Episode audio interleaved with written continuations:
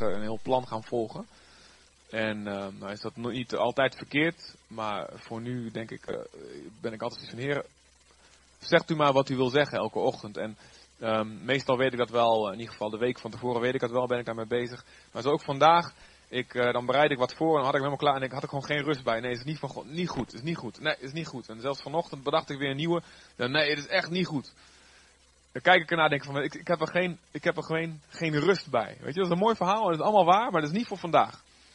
En dat, daar komt niet tot het irritante uh, probleem dat je dan, uh, nou, er wordt het tijd om te gaan. Dan moet ik gewoon gaan. Dan moet ik gewoon op de fiets stappen en hierheen.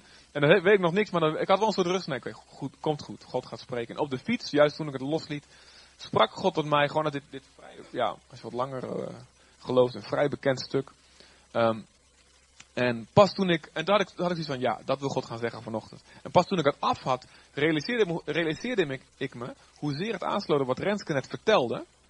Uh, over dat verhaal van je modder, weet je wel. Je, bent, je weet nog niet waar je naartoe gaat. Je weet alleen, Jezus zegt het. Toch? Nou, hier in Ezekiel 47 krijgt um, Ezekiel de profeet een visioen. En uh, we lezen vanaf vers 1. En dan lezen we door uh, tot vers 12. en als je in een nieuwe Bijbelvertaling kan doen, uh, Marloes, dan lees ik hem vanaf het scherm.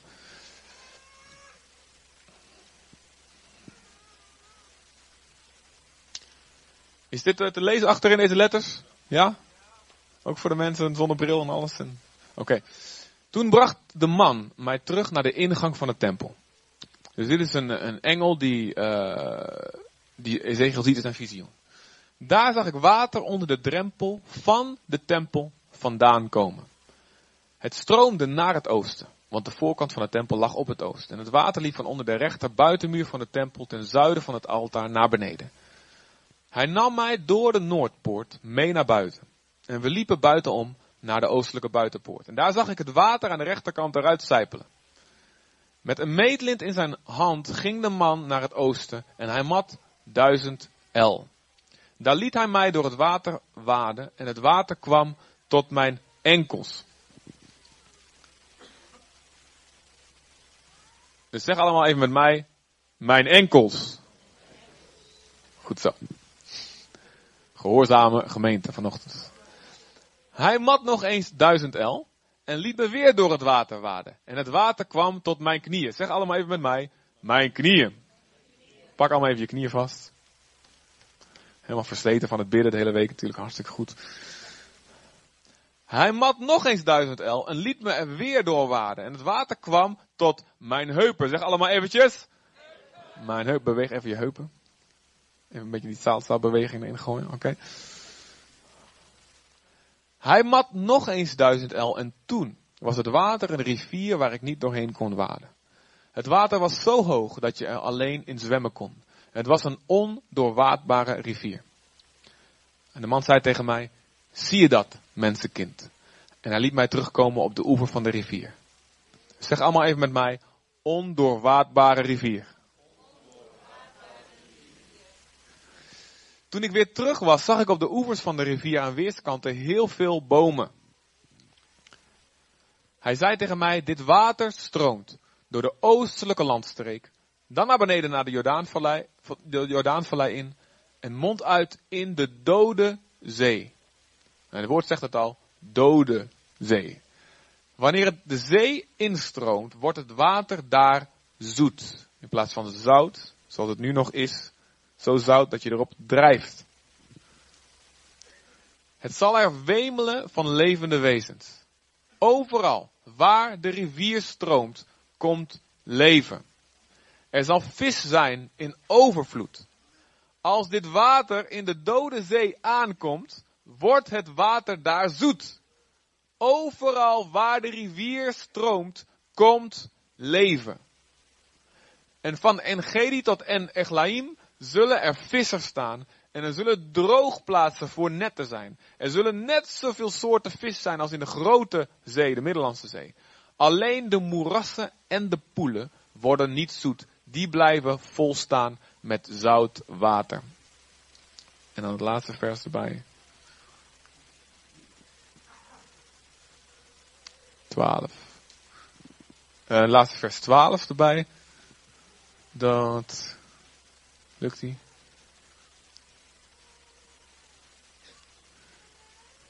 Nou goed, die lees ik wel even hieruit voor. Hij staat, oké. Aan, aan de oevers van de rivier zullen allerlei vruchtbomen opkomen, waarvan de bladeren niet zullen verwelken en de vruchten niet zullen opraken. Elke maand zullen ze vrucht dragen. Het water stroomt immers uit het heiligdom. De vruchten zullen eetbaar zijn en de bladeren geneeskrachtig. Dit is een krachtig beeld wat je door de hele Bijbel heel vaak ziet terugkomen.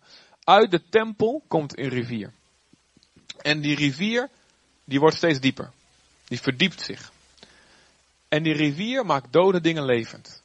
En zelfs de dode zee, die zo zout is dat er niks, niks of nauwelijks iets in, kan leven, zal helemaal zoet worden, zal helemaal gezond worden. En er zullen bomen aan de zijkant staan, vissers, en die bomen, er zullen vruchten aan groeien, daar, er zal genezing in zitten. Nou, aan het einde van de Bijbel, in openbaring 22, komt, komt deze rivier en deze bomen, die komen terug. En God zegt, zo zal het zijn, zo zal het zijn in de hemel of in het hemelse koninkrijk, als de hemel op aarde helemaal gekomen is en zich met elkaar gefuseerd hebben. Dan zal er daar ook bomen zijn en wordt, dit stuk wordt ook aangehaald. En, en er zal genezing zijn voor alle volkeren. Nu spreekt uh, de tempel spreekt over de plek waar God en mensen elkaar ontmoeten. En de tempel is eigenlijk, betekent eigenlijk twee dingen. De tempel is jouw lichaam, als individu, als persoon. Want er staat in 1 Korinther 6, je lichaam is een tempel van de Heilige Geest. En daarom uh, is het ook goed om, uh, zoals wat uh, Michael net aankondigde, om te bidden, ook dat je lichaam gezuiverd wordt. we geloven niet dat je, dat je naar de hel gaat van een sigaret, maar het is wel goed om je lichaam aan God toe te wijden. En um, om daar goed mee om te gaan. Het is de plek waarin God en mens elkaar ontmoeten in jouw lichaam. Komt de Heilige Geest wonen. En dankzij je lichaam uh, heb je, uh, je lichaam is je contactpunt met de aarde. Toch? Zonder je lichaam ben je een geest. Doordat je een lichaam hebt, een lichaam bent, hebt, heb je een plek om God te ontmoeten. En God zegt, uit die tempel stroomt water wat leven brengt. En waardoor bomen groeien die genezing brengen. Nou, aan het einde van de tijd, als Jezus terugkomt en alles goed maakt, zal dat ten volle werkelijkheid zijn. Maar Gods bedoeling is dat koninkrijk van later nu al zichtbaar te maken, al zij het nog onvolmaakt, al zij het nog met vallen en opstaan, nu al zichtbaar maken in het hier en nu.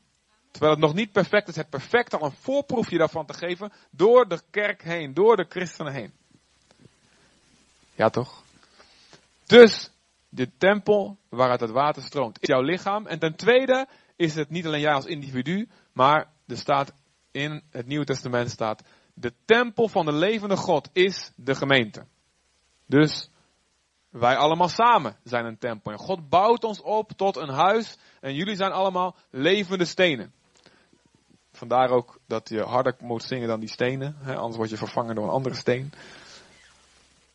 Maar je wordt samengevoegd en, en God bouwt ons op als we ons laten invoegen en geen rebelse steen zijn die elke keer van onze plek willen springen en zo. Dan bouwt God daarmee een tempel op een plek waarin God en mensen elkaar zullen ontmoeten. En dat is ook de reden waarom we zoals vorige week weer een getuigenis kunnen horen van iemand die zegt, ik kom die kerk binnen en ik wist niks van God. En in die kerk, ik voelde alsof ik onder stroom kom te staan en of ik daar, alsof ik God daar ervaar. Waarom? Omdat wij toegestaan hebben dat God uit ons allemaal samen, en niet alleen individueel, maar, maar uit ons allemaal samen een tempel heeft, heeft mogen bouwen. Een plek waarin God en mensen elkaar ontmoeten. En als die plek daar is, dan ontstaat daar een bron, ontstaat daar een rivier. En nou gaat het me om die drie plekken um, waar Ezekiel door het water heen moet. De eerste keer kwam hij tot zijn, het water kwam tot zijn. En de tweede keer kwam hij tot zijn. En de derde keer kwam hij tot zijn. En de vierde keer was het een ondoorwaardbare rivier. Heel goed. En degene, degene die gehoorzaam zijn geweest en mij hebben nagepraat, die kunnen het nu nog een keer zeggen.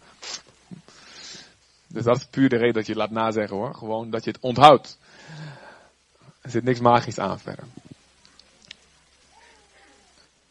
Jezus zegt in Johannes 7, vers 37, zegt hij, wie in mij gelooft, zoals de schrift het zegt, stromen van levend water zullen uit zijn binnenste vloeien. Jij bent de tempel individueel. Wij zijn de tempel samen. Wie in mij gelooft, stromen van levend water, levenbrengend water, dus deze rivier, dode dingen, dode zeeën, dode plekken, worden levend. Het zal vanuit jouw binnenste naar buiten komen. Oftewel, als je die rivier de ruimte geeft, laat uitbreken uit je, gaat God doen wat hij bij Jezus deed. Het dode wordt levend. Dode situaties worden levend. Mensen geen hoop meer hebben, krijgen hoop. Waarom? Omdat Gods Heilige Geest door jou heen in die situatie komt. Mensen die geen visie meer hebben, geen doel hebben in hun leven, die krijgen in één keer doel. Mensen die geen blijdschap hebben, krijgen blijdschap. Mensen die geen rust hebben, krijgen rust. Mensen die, die, die, die een huwelijk uh, niet meer zien zitten, ze krijgen in één keer weer geloof voor. Mensen die die in verslaving leven, die in gebondenheid leven, mensen die in ziekte leven, mensen die in, in, in wat voor stoornis ook leven. God brengt op allerlei duizenden veelkleurige manieren leven door die rivier heen die uit ons stroomt. Amen. Dit is waar we voor leven. Nou, maar nou is het belangrijk dat die rivier zich verdiept in je leven. Dat die rivier zich verdiept. Het water spreekt over de Heilige Geest. Johannes 7, als Jezus dit gezegd heeft, zegt Johannes er heel duidelijk na, achterna zegt hij, hij sprak over de Heilige Geest. Klaar. Dus we hoeven niet te, moeilijk te doen, wat bedoelt hij nou met die stroom van levend water? Dus er staat er gewoon bij, dit gaat over de Heilige Geest. Dus de geest van God komt in mensen wonen. Dat is een tempel van de Heilige Geest. Dus dat water staat voor het stromen van de Heilige Geest in ons leven. En nou kan dat op verschillende niveaus in je leven gebeuren. Het kan een stroompje zijn in jouw leven dat het tot je enkels komt. Dus dat betekent, het, de Heilige Geest is aanwezig in je leven en het raakt, je, het raakt je een klein beetje. Maar het komt tot je enkels. Je kunt er nog vrij makkelijk zelf doorheen lopen. Het kan ook tot je knieën komen. Of tot je heupen. En dan is het inderdaad, je bent al uh, de stroom, je voelt al meer de, kracht van die stroom al meer. En als je een andere kant op wil gaan dan die stroom, dan wordt dat wel moeilijk, maar het kan nog wel. Toch? Als je tegen een stroom in wil lopen, dan kun je nog wel, als het tot je heupen komt, je kunt, het lukt nog wel. Gods bedoeling is, voor ons allemaal uiteindelijk, en hij snapt dat het in fases gaat, en daarom staat het ook enkels, knieën, heupen. Gods bedoeling is uiteindelijk dat de rivier bepaalt waar wij gaan. Dus dat wij niet meer onze voeten bepalen, de richting waaruit, waar, waar we naartoe lopen, maar dat de stroom, de Heilige Geest bepaalt waar ons leven naartoe gaat. Dit is een plek van zo'n vertrouwen in God dat je je helemaal aan Hem durft over te geven. Maar heel veel uh, gelovigen en ze wandelen met God en ze, zijn trouw en ze zijn lief en ze zijn allemaal op weg naar de Heer en naar, naar de eeuwigheid. Hartstikke goed. Maar heel veel gelovigen hebben toch nog een soort veiligheid om zelf de controle willen houden. En dit is het woord wat ik geloof wat God voor spreken vanochtend is. God zegt, laat de controle los. Laat de controle los. En het eerste wat bij jullie en bij mij allemaal naar boven komt is, maar dat is eng. Toch? Laat de controle los over je leven. Want weet je, we zijn eigenlijk ons hele leven lang zijn we eigenlijk bezig de controle juist vast te houden. En meer controle te krijgen over ons leven. En zeker als je heel, heel onveilig bent, onveilige omgeving bent opgevoed, dan is het heel gezond en heel normaal dat je probeert meer controle te krijgen over situaties in je leven. Want vroeger had je daar geen controle over. je, je, vader en je moeder en, en, en de omgeving en wat dan ook er gebeurden allemaal gekke dingen, je had er geen controle over en het, raakte je allemaal. En wat je vervolgens, het heel goed is, en dat is ook een overlevingsinstinct die je van God gekregen hebt, wat heel normaal is dat je daarna gaat zoeken, maar hoe kan ik weer juist nou meer grip krijgen op situaties, dat ik niet voortdurend afhankelijk ben van anderen. En dat is heel goed, dat is een instinct van God. Maar het probleem is dat we, dat, dat die dat die dat behoefte om te controleren ook toepassen op onze relatie met God. Want, um, kijk, naar mensen toe is het inderdaad soms, niet altijd, soms heel handig om wel eventjes touwtjes in handen te houden. Waarom? Mensen zijn, hoe lief ze ook zijn, ze zijn niet 100% betrouwbaar. Ook als ze een oprecht hart hebben, maken ze nog steeds fouten. Als je 100% je lot in hun handen legt, als je 100% de controle aan hun overgeeft, zul je soms je neus stoten. Nou, God vraagt dat af en toe wel van ons. Hij zegt je onderwerp je, onderwerp je aan elkaar, onderwerp je aan leiderschap, onderwerp je aan gezag, onderwerp je aan et cetera, et cetera. Dat is ook een stukje van de controle loslaten. Dus, en hoe meer, dat, hoe meer er vertrouwen is, hoe makkelijker dat ook gaat. Maar dat, die onderwerping zal, de, de controle loslaten zal nooit 100% zijn. Maar God zegt naar mij toe, alsjeblieft, laat het stuur los. Laat het stuur los. God snapt het. God heeft geduld ermee. Dat je nog tot je enkels of je knieën of je heupen in die rivier staat. En hé, hey, je wordt gezegend. De, de werking van de Heilige Geest is in je leven absoluut. En er komt leven uit je voort. Maar God wilde uiteindelijk naartoe instappen. Dat je helemaal de controle loslaat. En dat waar de rivier gaat, daar ga jij.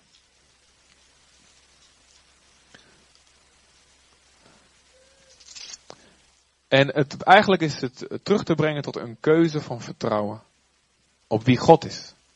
Op of hij goed is. Of niet goed is.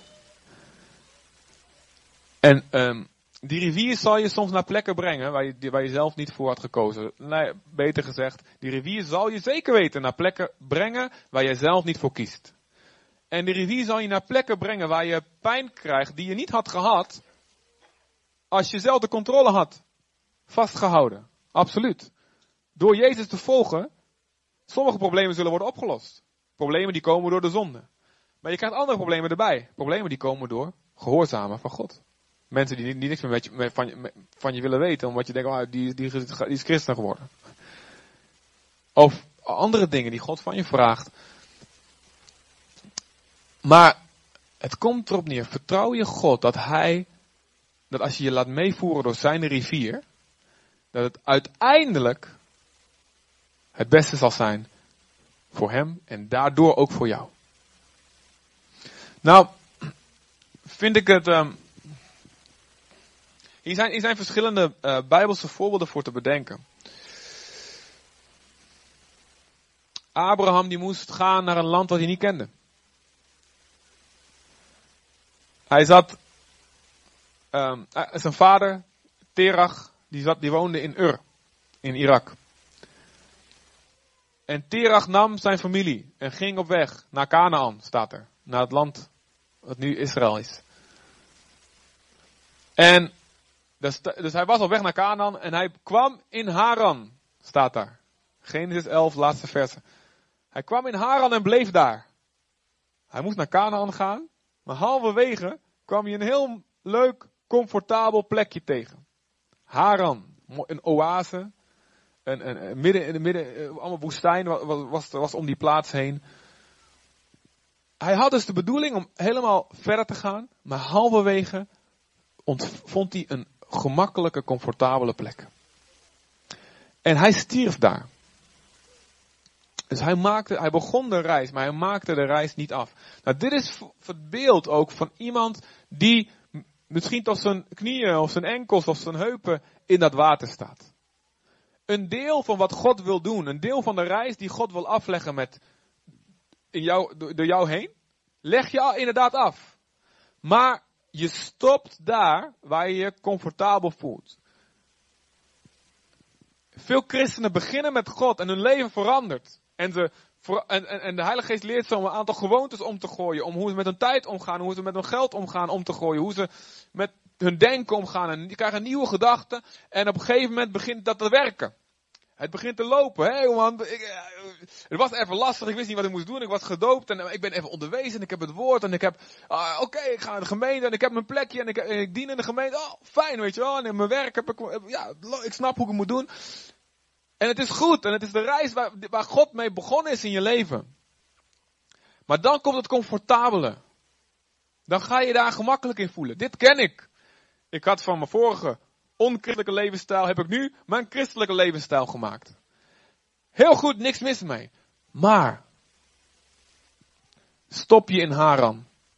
Stop je halverwege in Haran. Blijf je hangen op de plek van het comfortabele. Op de plek waarin je wel in die stroom staat, maar jouw voeten nog wel bepalen waar je naartoe gaat. Of maak je de reis af? Het moeilijkste is als je je nieuwe christelijke levensstijl hebt, gevestigd, en een nieuw ritme, een nieuwe sleur, een nieuwe manier van denken, om dan verder te gaan. En, en zelfs dat nieuwe weer op te geven voor misschien iets wat helemaal next level, helemaal een, een, een andere planeet bijna is. Weer. Zelfs vergeleken bij het goede wat je had. En ik geloof dat heel veel christenen, inclusief ikzelf, wij lopen voortdurend het gevaar om te blijven hangen in Haran. Om te blijven hangen in het voorspelbare, in het comfortabele. Om zelfs terug te gaan naar dingen die comfortabeler waren in Egypte. Het volk Israël in de woestijn werden door God geleid. En ze, wisten de hele tijd, ze wisten niet waar die wolkolom, of die vuurkolom s'nachts en de wolkolom was het overdag. Ze wisten niet wanneer die zou gaan en wanneer die zou, wanneer die zou blijven hangen.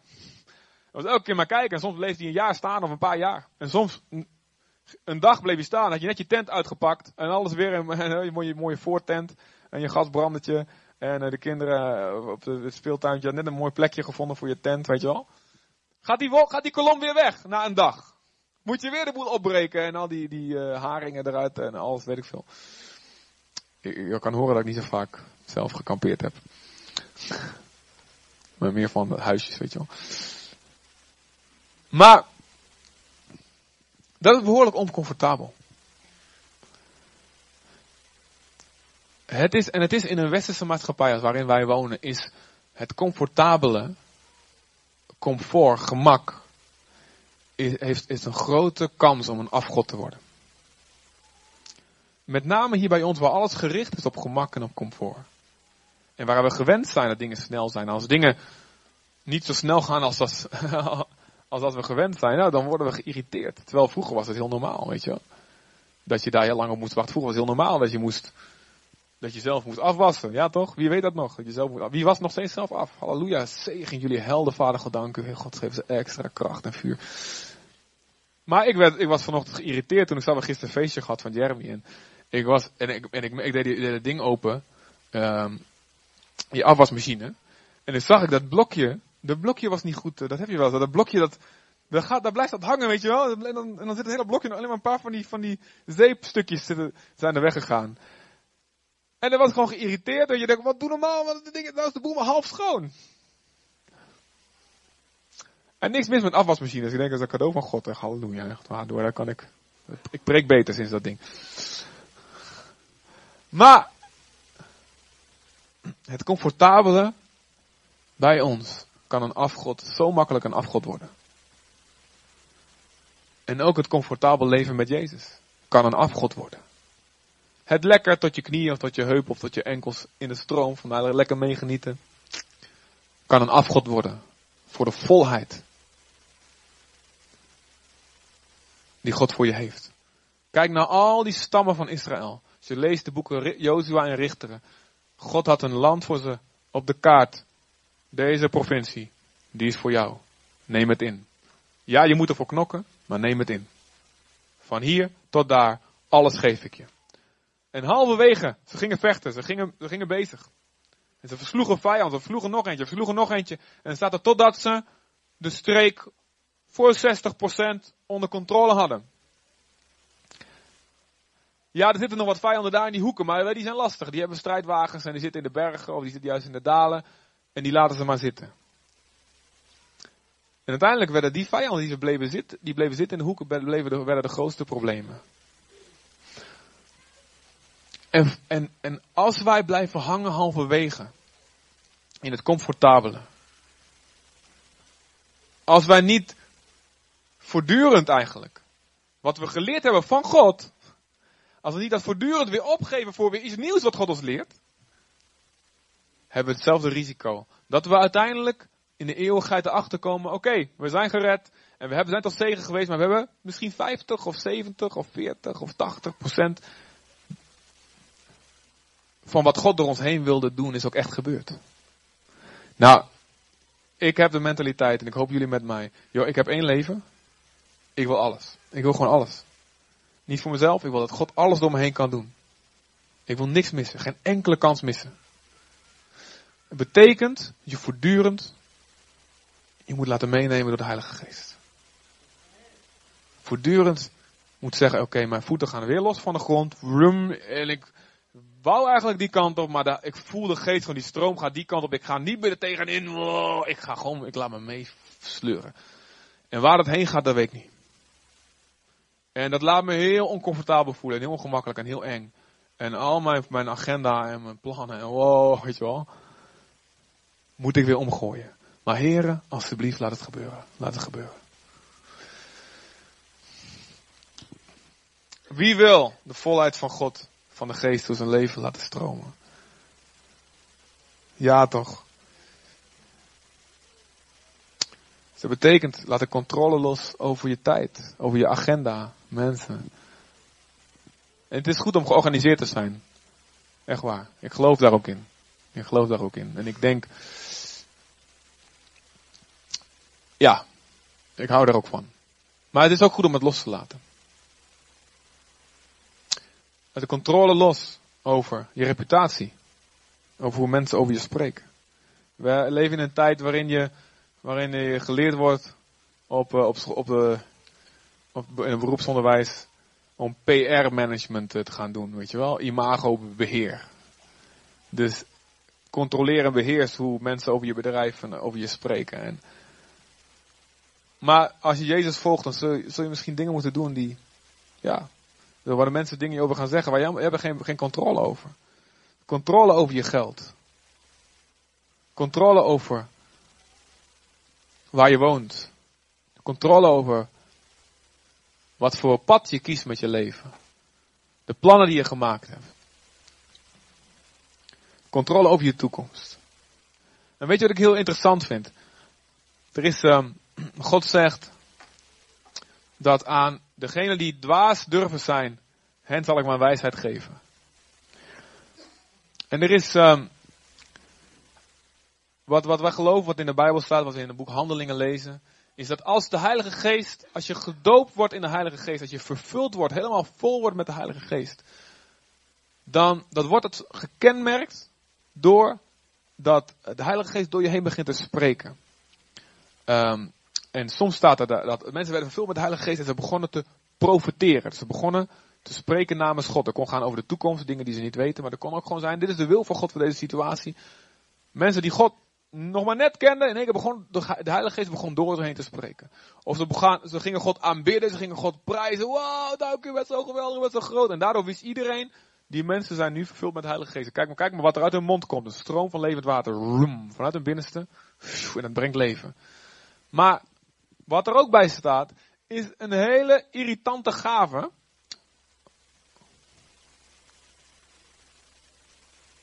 En het is de gave waar we ons heel ongemakkelijk vaak bij voelen. Het is de gave van het spreken in tongen. Of het spreken in klanktaal, staat een nieuwe vertaling. En er staat in 1 Korinthe 14 dat dat een gave is waarbij ons verstand helemaal onvruchtbaar blijft. En ik heb wel eens zitten denken, weet je, ik kan, ik kan, kijk, ik ben ook een, iemand die alles wil begrijpen. Dus ik, ik, ik, wil de, ik de Bijbel lezen op zo'n manier dat ik niet alleen weet wat er staat en doe wat er staat, maar ik wil ook begrijpen waarom er staat wat er staat. Ik wil het hart van God erachter kennen, zodat ik alles wat daar staat niet alleen zelf, zelf kan ontvangen, maar dat ik het zelfs, zelf zou kunnen schrijven als het ware. Dat het zo'n deel van me is. Op zo'n manier wil ik begrijpen. Maar er is één ding wat ik nauwelijks en nog steeds nauwelijks kan begrijpen. Nou, er zijn meer dingen, maar goed. Eén van de dingen is, spreken in tongen. Nog steeds. Ik geloof erin en ik weet dat het werkt. Er staat als je spreekt in tongen, je wordt opgebouwd en je wordt vervuld met de geest en de, Heilige Geest begint te spreken. En elke keer werkt het als ik het doe. Maar ik snap niet hoe het werkt. Ik snap het niet. En, en ze hebben, ik, heb, ik heb wel een onderzoek gelezen. Daar gingen ze kijken wat voor grammatica. Zit er nou een grammatica in? En zit er nou een. Nou, en, en toen werd ik helemaal nog meer in de war. Nou, slaat dat op. Ja. En toen konden ze ook geen touw op vasttrekken. Die, die linguisten waren dat dan. Ze zagen alleen dat er een gebied in de hersenen uh, werd gestimuleerd. Uh, ik weet niet meer precies. Nou, ik heb dat. Ik, kijk, ik heb deze preek van net maar bedacht, dus ik heb het niet op kunnen zoeken. Maar er werden bepaalde gebieden in de hersenen werden gestimuleerd. En ze konden niet verklaren waarom. Ik zal voor jullie opzoeken wat het is. Um, en ik vind het zo goed van God. Dat hij ons, dat hij als het ware de manier waarop je in die volheid van de Heilige Geest binnenkomt. Dat het gaat door middel van een ervaring. Waar je de controle over je tong. De controle over je verstand zelfs. De controle over hoe anderen over je denken, als je dat zien of horen doen, helemaal moet overgeven. Snap je? Irritant of niet? En daarom hebben heel veel mensen in onze uh, verstandelijk ingestelde samenleving moeite om de volheid van de Heilige Geest te ontvangen. Omdat ze de controle niet kunnen loslaten. Zelfs over het spreken. Want ik vertel je, weet je wel, kijk, er zijn verschillende dingen die je voelt als je het moment dat je voor het eerst in tongen gaat spreken. Er is een soort vervulling van een soort van, wauw, heilige geest, oh, je bent een soort, het is een soort roes, een soort extase, het is hartstikke mooi. Maar tegelijkertijd zit je verstand heel heftig te protesteren. Wat ben jij aan het doen? Dit slaat nergens op, je praat als een idioot. Ja toch? Wie weet dit allemaal met mij toen dat voor het eerst deed? Oké. Oké. En het is aan jou om te kiezen, ik laat die controle los of niet. Nou, dit is eigenlijk een beeld van wat er de rest van je leven blijft gebeuren. Als je de Heilige Geest volgt. Ik voel de Heilige Geest leidt me die kant op. Die water, dat rivier, die stroom, die gaat die kant op. Maar mijn verstand en mijn gevoel en mijn, mijn levenservaring, die wil eigenlijk, oh, ik wil met mijn eigen voeten die kant bepalen. Ik wil helemaal niet dat doen. Ik wil helemaal niet mijn huis verkopen en het geld aan de armen geven wat die mensen handelingen moesten doen. Ik wil helemaal niet uh, naar de Eskimo's gaan en zendeling worden en in de kou. Na zo'n winter.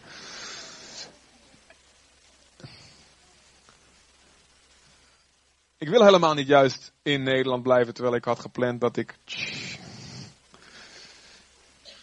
Ik wil helemaal niet dit of dat. Maar de, de geest zegt. Als je de volheid van mij wil. Als je wil de maximum aan leven wat door jou heen kan stromen. Maximum aan vruchten die genezing brengen aan mensen. Mijn geest zegt die kant op. Dat is een hele simpele vraag eigenlijk vandaag. Laat je, ben je bereid Jezus modder op je ogen te laten smeren? Dat je niet weet waar je heen gaat. Je weet alleen, dat is de weg die Jezus mij wijst. En dat zal goed zijn. Ook al bots je onderweg tegen dingen aan, omdat je niet de weg ziet waar je naartoe gaat. Ben je bereid de controle over te geven? Ben je bereid de, ook zelfs je mooie ingesleten christelijke gewoontes weer los te laten? Er staat in, in ik weet, het schiet ook nauw te binnen. Dus ik denk in 2 Koningen 18, daar in de buurt. Staat in de tijd van Hiskia. Was daar een slang op een paal. Op een stok. Van koper. En die slang was door Mozes zelf gemaakt. Honderden jaren daarvoor. God zei, maak een slang op een stok van koper. En als de de Israëlieten die gebeten zijn door slangen in de woestijn, als ze daarnaar kijken, zullen ze genezen worden. En het gebeurde. Het was iets wat God machtig gebruikt had in hun leven. Een methode, een manier die God zelf gegeven had. Doe dit en je wordt genezen. Nou, ze hadden dat ding natuurlijk mooi in een mooie vitrine neergezet. En met een mooi bordje erbij in het museum. Dingen die God gedaan had. Deze koperslang is door God gebruikt door de man Mozes die ons de wet gegeven heeft. Honderden jaren stond dat ding daar als een tastbaar bewijs van de wonderen van God. Maar wat gebeurde er? De Israëlieten begonnen die slang op die stok uh, te verafgoden. Ze gingen eraan offeren. En het werd een afgod. De methode die God honderden jaren geleden gebruikt had, vroeger gebruikt had, tot zegen werd nu een afleiding. En God zei tegen Hiskia, sla dat ding kapot. Wat? Weet je wel, dat is, dat is het voorbeeld, dat is het vergelijkbaar met van, uh, dat je een stukje van het echte kruis gevonden hebt, weet je wel? Of de Holy Grail, ik weet niet, de Heilige Graal, volgens mij bestaat het hele ding niet eens. Maar goed, dat je, stel dat je op de lijkwaarde, dat, dat, je, dat je zeker, dit is het echte ding, wat je, dit is het kleed waar Jezus in gelegen heeft. Dit is een stuk van het kruis. En ik hoorde in de middeleeuwen waren zoveel stukken, echte stukken van het kruis in omloop, dat je er wel honderd van had van kunnen samenstellen. Maar stel je voor dat je weet, dit is, ik heb een stuk van het echte kruis gevonden. Nou ja, daar knuffel je, daar ga je mee naar bed, weet je wel. Ik, ik bedoel, uh, dat leg je in je bed, moet ik zeggen. Um, daar, daar, daar laat je niet los. Maar als het een afgod wordt, en dat, dat God dan zegt, steek dat stuk kruis in de fik. Het echte kruis waar Jezus aan gehangen heeft, weet je wel. Of die lijkwaarde, of die heilige graal. Sla, daarmee is te vergelijken. Zo kan wat God vroeger in je leven gedaan hebt, heeft, wat God vroeger gebruikt heeft, kan een afgod worden voor het nu. Wat God nu wil doen in je leven. Ben je bereid de controle los te laten? Het begint natuurlijk met je leven aan Jezus overgeven voor het eerst. Als je dat nog nooit gedaan hebt. Betekent het, ja, ik wil God meer vertrouwen dan mezelf. En daarna gaat die reis eigenlijk alleen maar verder. En dit is de vraag vanochtend aan, van God aan ons allemaal. Ben je bereid de controle aan mij te geven? Opnieuw. Heel bewust. En ik denk dat, dat, we, dat we gewoon, we gaan even wat tijd nemen en dat het gewoon goed is om gewoon naar God toe, in de stilte tussen jou en God, dat je gewoon wat gebieden noemt. Waarin je denkt, hé, hey, ik denk dat ik hier de controle nog best wel eens opnieuw aan God mag geven. Misschien de controle over je verstand. De controle over je bepaalde keuzes die je maakt. Die zegt van ja, hartstikke leuk God, maar ik maak deze keuze zelf. Hartstikke leuk God, maar met wie ik verkering neem, daar kies ik zelf hoor, Heer. Hartstikke leuk Heer uh, dat u er bent en zo, maar uh, dit is toch echt het beroep wat ik ga kiezen, want daar, uh, dat heb ik allemaal uitgedokterd. Dat heb ik helemaal voorbereid. En, dat je, en niet dat per se God je altijd datgene laat doen wat je niet leuk vindt. Zo gemeen is hij ook niet. Je kunt hem echt vertrouwen. Maar kunnen je voetjes van de vloer. Ik mag de stroom bepalen waar je gaat. Amen. Heer God, dank u wel. Dat u een plan heeft om leven te brengen aan dode situaties. Dank u dat voor het enorme voorrecht. Dat we door de verbinding met u ja, verspreiders van leven mogen worden. Met woorden van leven, met daden van leven. Genezing voor de volkeren. Dat u dat wilt doen door, vanuit ons als uw tempel. God, dank u voor de stroom van de Heilige Geest in ons leven. Dank u dat we door geraakt zijn. Dank u dat, het, dat, dat we door gezegend worden. Dank u wel ervoor.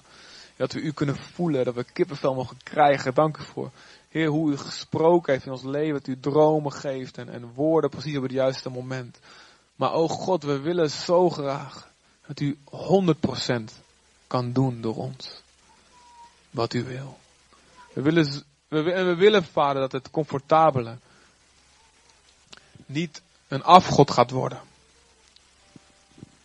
Dat het goede niet de grootste vijand zal worden van het beste.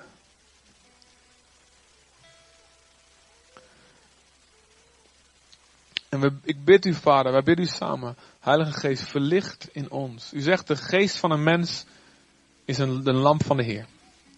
Hij doorzoekt de schuilhoeken van het hart. Door middel van onze eigen geest doorzoekt u ons hart. En laat u onze dingen zien waarin we u de controle moeten overgeven. Ieder van ons, ieder van jullie heeft gebieden. Juist als je denkt, maar ik heb alles al aan God gegeven, of ik heb helemaal geen moeite mee, dan, oh, dan moet je vooral even opletten.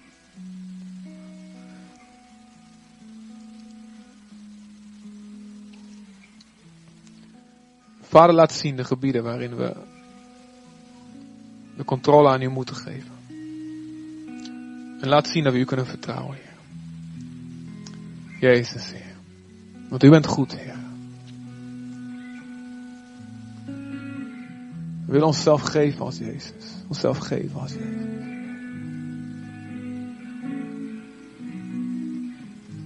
En, en zeg het maar tegen God als je. Hij is de enige die je hoort op dit moment. Zeg maar, ik, God, ik wil u de controle geven. van mijn leven.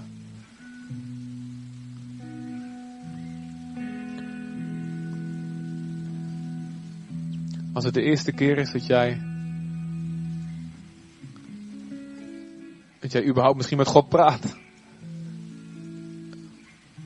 Zeg hem gewoon wat je, wat je eerlijk vindt. Ook de dingen die je niet snapt. Of... Maar als jij God durft te vertrouwen. Belooft hij dat hij je leven zal leiden. Dat hij je hand zal pakken. Dat hij snapt dat je een babytje bent. En hij is zo, hij is niet gemeen. Hij is goed. Hij zal je leiden.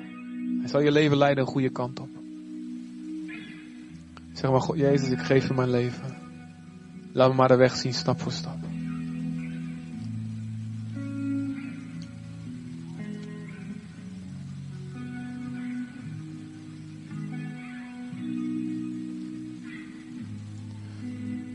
En noem de gebieden op waar je de controle aan hem wil geven.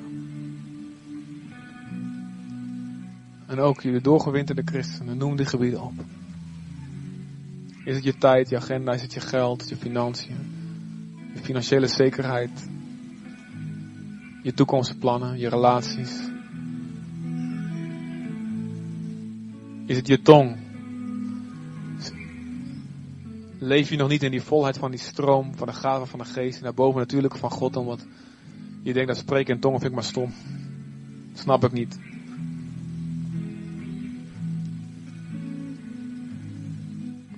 Praat met hem. Is het het voorspelbare, het comfortabele je afgod?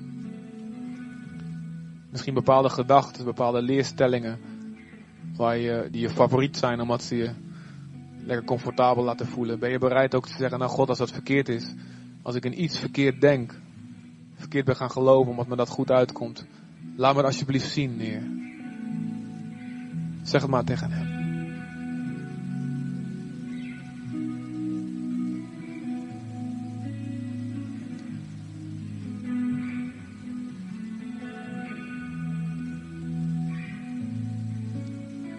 En vader stroom, met die rivier. Stroom met die rivier. Heer. Stroom met die rivier. Zullen we dit zingen? Vader, u bent goed. Als een uitspraak van vertrouwen. U bent goed. En waar u me leidt, dat zal goed zijn. Ik weet niet waar. Ik weet niet welk land het wordt zal gaan naar het land wat u me wijst. Geloofstap nemen. Als u me zegt dat ik over het water kan lopen, dan zal ik het kunnen. Vader, u bent goed. U bent heilig. U bent liefde. Jezus, u bent groot. U bent sterker dan de dood. Vader, deze dag geef ik mijzelf aan u. En ik zing met heel mijn hart, ik hou van u. Vader, u bent goed.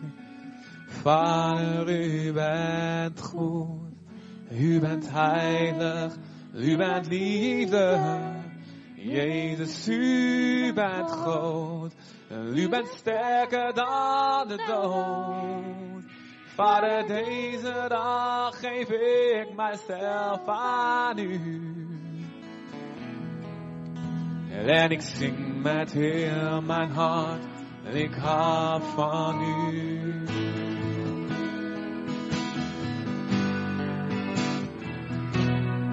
Oké, oké. Nou, ik denk dat heel veel van jullie zijn die het gedaan hebben, die gewoon gebieden van je leven aan hem hebben overgegeven. Wees alert op wat, wat de Heilige Geest gaat zeggen de komende dagen, de komende weken, misschien vandaag al. Als je gewoon je leventje weer oppakt, de week begint. Misschien kom je tegen bepaalde gewoontes aan. En God zegt, hé, hey, het is niet per se een zonde, maar het blokkeert mij wel. Ben je bereid het bekende op te geven voor iets nieuws? Als je daarvoor alert blijft.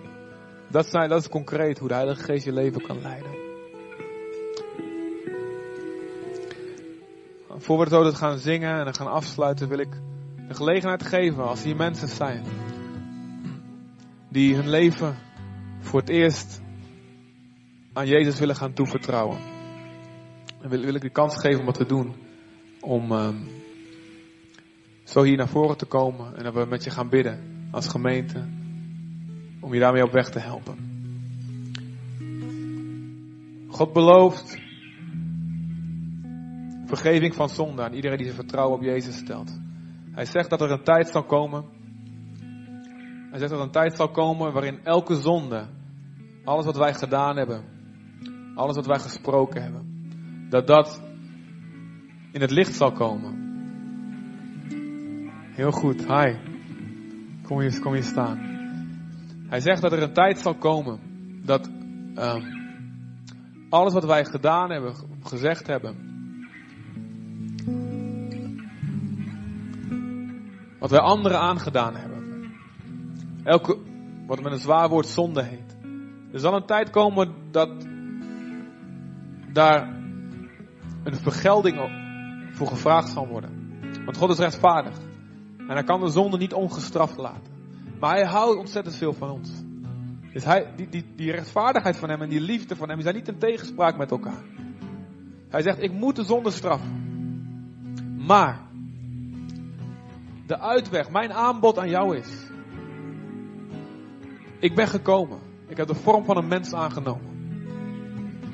Ik ben gestorven aan een kruis.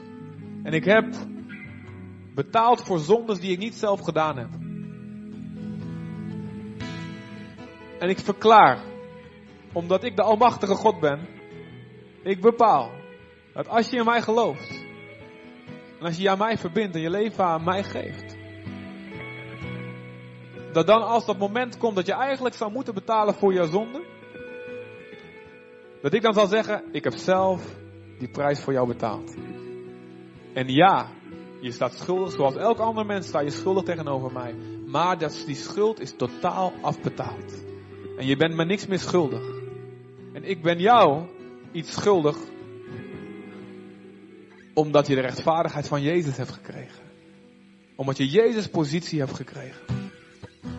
Dat is een goddelijke omruiling. En, en God zegt in de Bijbel, dit is de enige manier om gered te worden. Niet door heel hard zelf je best te doen, dat zal nooit genoeg zijn. Niet door heel veel geld te geven aan de kerk of aan de armen, dat zal ook nooit genoeg zijn om je ziel af te betalen.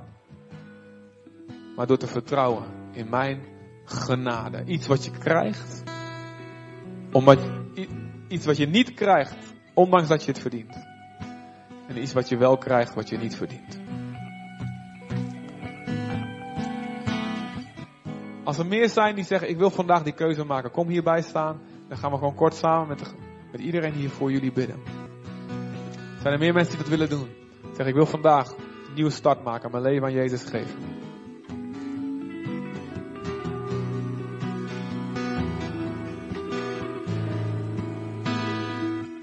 Eenmaal, andermaal.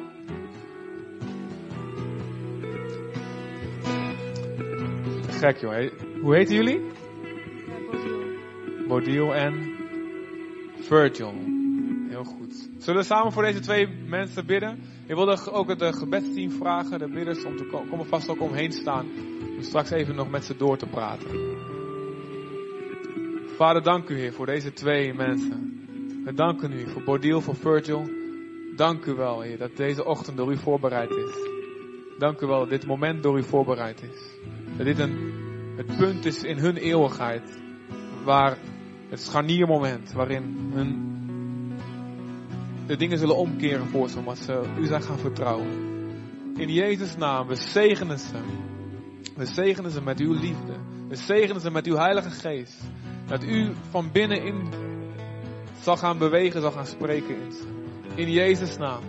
We bidden u dat u hen helpt, Heer, om een nieuwe start te maken.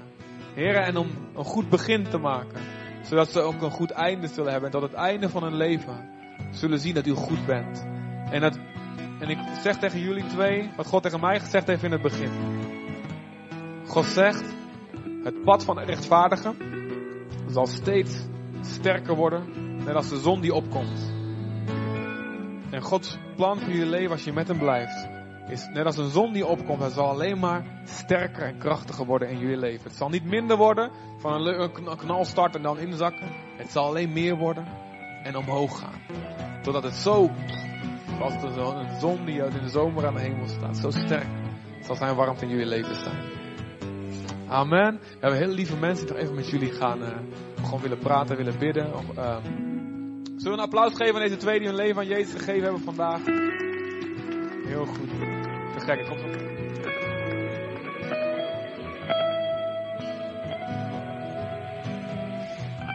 Zullen we nog één lied zingen om af te sluiten? En dan mogen we naar ehm, elkaar ontmoeten bij ehm, de koffie. Je mag zelf kiezen wat.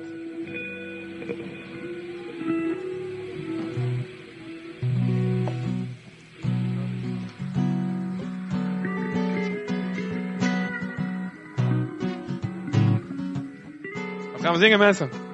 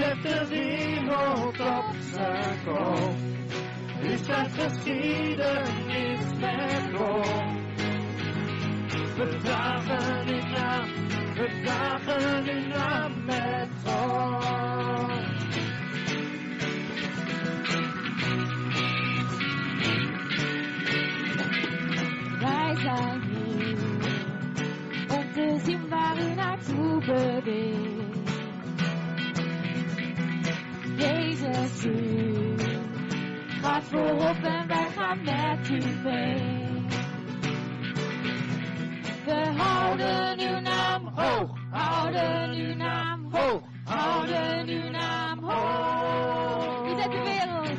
U, u zet de wereld op zijn kop. U schrijft geschiedenis met rol.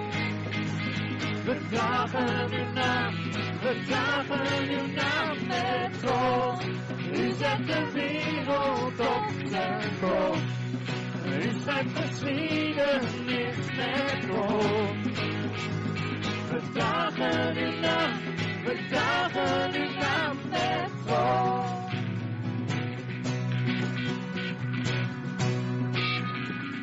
Oké mensen, God zegen allemaal. Goede week gewenst. En ontmoet elkaar bij de koffie. Zoals elke week. Levieten, allemaal even nieuwe mensen welkom heten.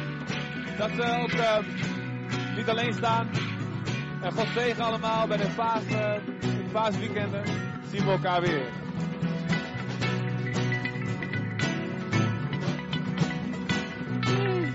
U, zet op zijn kop. U schrijft geschiedenis met ons. We dragen uw naam, we dragen uw naam met ons. U zet de wereld op zijn kop. U schrijft geschiedenis met ons. We dragen uw naam, we dragen uw naam, oh, we dragen uw naam. We dragen uw naam, oh, we dragen uw naam. We dragen uw naam